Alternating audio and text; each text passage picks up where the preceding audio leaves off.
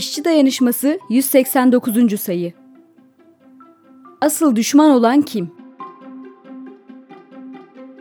Fransa, İngiltere ve Almanya'dan 3 çocuk dersliklerinde tahta önünde ayaktalar. Her biri uluslarının ebedi düşmanlarına öfkelerini dile getiriyor. Fransız çocuk, o kırmızı lekeyi haritadan silmeliyiz. İngiltere'deki, barbarların kökünü kazımalıyız. Almanya'daki, katil cani ellerini kaldırıyor diyerek aynı nefretle konuşuyor. Ateşkes filmi bu sahneyle açılıyor. Resmi tarih bize der ki, Birinci Dünya Savaşı 1914'te bir Sırp milliyetçisinin Avusturya Macaristan veliahtını öldürmesiyle başladı. Oysa Ateşkes filmine yansıyan gerçekler savaşın aslında çok önceden başladığını çarpıcı bir şekilde anlatır. Çünkü savaş topların, bombaların patlamaya başladığı andan çok önce başlar. İşçi ve emekçileri, gençleri, hatta çocukları savaşa ikna etmek, zihinleri milliyetçilikle felç etmek, düşmanlıkları bilemek savaşın önemli bir parçasıdır.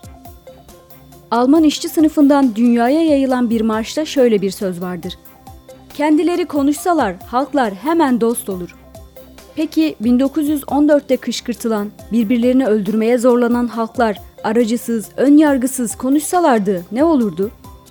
İşte gerçek bir hikayeden uyarlanan Ateşkes filmi bu sorunun yanıtını veriyor. 1914 yılının son günleri. Savaştan önce sıradan birer insanken şimdi öldürmek ve ölmek için emir almış üç farklı ulustan yüzlerce askerin olduğu bir cephedeyiz. Fakat o gün farklı bir gündür. Evlerinden ve sevdiklerinden uzakta olan, cephe hattındaki siperlerine sığınan Alman, Fransız ve İngiliz askerler sessizce Noel kutlamaktadır. Üç siperde duygular ortaktır. Bir saldırı olabileceği düşüncesiyle tetiktedirler. Ama o gün savaşı unutup insan olduklarını yeniden hissetme ihtiyacı ağır basmaktadır. Sonra büyülü bir an yaşanır. Alman siperlerinden bir şarkı yükselir. İskoçlar gayda denilen enstrümanlarıyla şarkıya eşlik ederler. Derken siperlere sığınan askerler şaşkın, umutlu gözlerle kafalarını siperlerden çıkarırlar. İşte müziğin etkisiyle askerlerin birbirleriyle ilk temas ettiği, düşmanca duygularının kırılmaya uğradığı andır o an. O gece siper komutanlarının kararıyla bir gecelik ateşkes ilan edilir. Düşman askerler birbirlerine benzeyen insanlar olarak yeni yılı birlikte kutlarlar. O gece sigaralar, çikolatalar, içkiler değiş tokuş edilir siperler arasında. Farklı diller konuşmalarına rağmen kolaylıkla anlaşırlar askerler. Espriler yapılır, dertleşilir. Kimi askerler birbirlerine eşlerinin, çocuklarının fotoğrafını gösterirler. Eve dönmek için birlikte dua ederler. Böyle bir geceden sonra savaşmak mümkün müdür? Bir asker durumu şöyle özetler. Yarın ölmek, dün ölmekten daha saçma. Neticede birbirlerine düşman edilenler birbirleriyle aracısız konuşmuş ve karşı siperlerde kendileri gibi birilerinin olduğunu kavramışlardır. Bir gecelik denilen ateşkes sabah da devam eder ve siperler arasında şöyle konuşmalar geçer. Topçu birliğimiz size ateş açacak, bizim sipere sığının. Üst rütbeli komutanlar bu üç siperde yaşananları öğrenene kadar bu böyle sürüp gider. Fransız egemenler savaşmaya devam etmelerini sağlamak için siper komutanının babasını cepheye gönderirler. Babası tarafından aşağılanan, hainlikle suçlanan siper komutanı ortak duyguları şöyle özetler.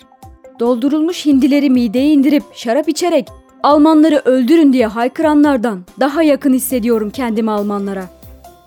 Farklı uluslardan olsalar bile asker kılığına sokulup ölüme gönderilen emekçiler aslında birbirinin kardeşidir ve hepsinin ortak düşmanı kendi egemenleridir. Ateşkes filminin anlattığı bu olay ve Fransız siper komutanının sözleri bu yalın gerçeğin ifadesidir. Aslında halkların birbirine karşı bir husumeti yoktur. Yoksul emekçilerin düşmanlık için bir nedeni de yoktur. Düşmanlığı kışkırtan egemenlerdir. Dünyayı parsel parsel bölüşmüş egemenler kendi çıkarları için başka halklardan emekçileri bize düşman bellettiler. Neticede çıkan savaşlarda yoksullar ölür, zenginler semirir. Silah tekerleri başta olmak üzere kapitalistler karlarını katlarlar. Fransız yazar Anatole France yaklaşık 100 yıl önce şöyle demişti.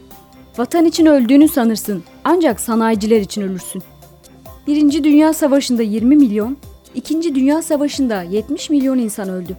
Peki ya Ukrayna'dan Filistin'e, Yemen'den Sudan'a, Suriye'den Lübnan'a bugün yaşananlar? Bu akıl dışı sistem tüm çürümüşlüğü ve gericiliğiyle birlikte dünyayı bir insan mezbahasına çevirmiş durumda. Bu mezbahada neden sadece yoksulların çocukları savaşa sürülüyor? Neden sadece yoksulların ocağı sönüyor? Onların sıvasız evlerine acı haber geliyor. Kimi sorular vardır, en açıklayıcı cevaplardan daha açıklayıcı cevaplar taşırlar içlerinde. O halde hep birlikte sormaya, sorgulamaya devam edelim. Bize asıl düşman olan kim?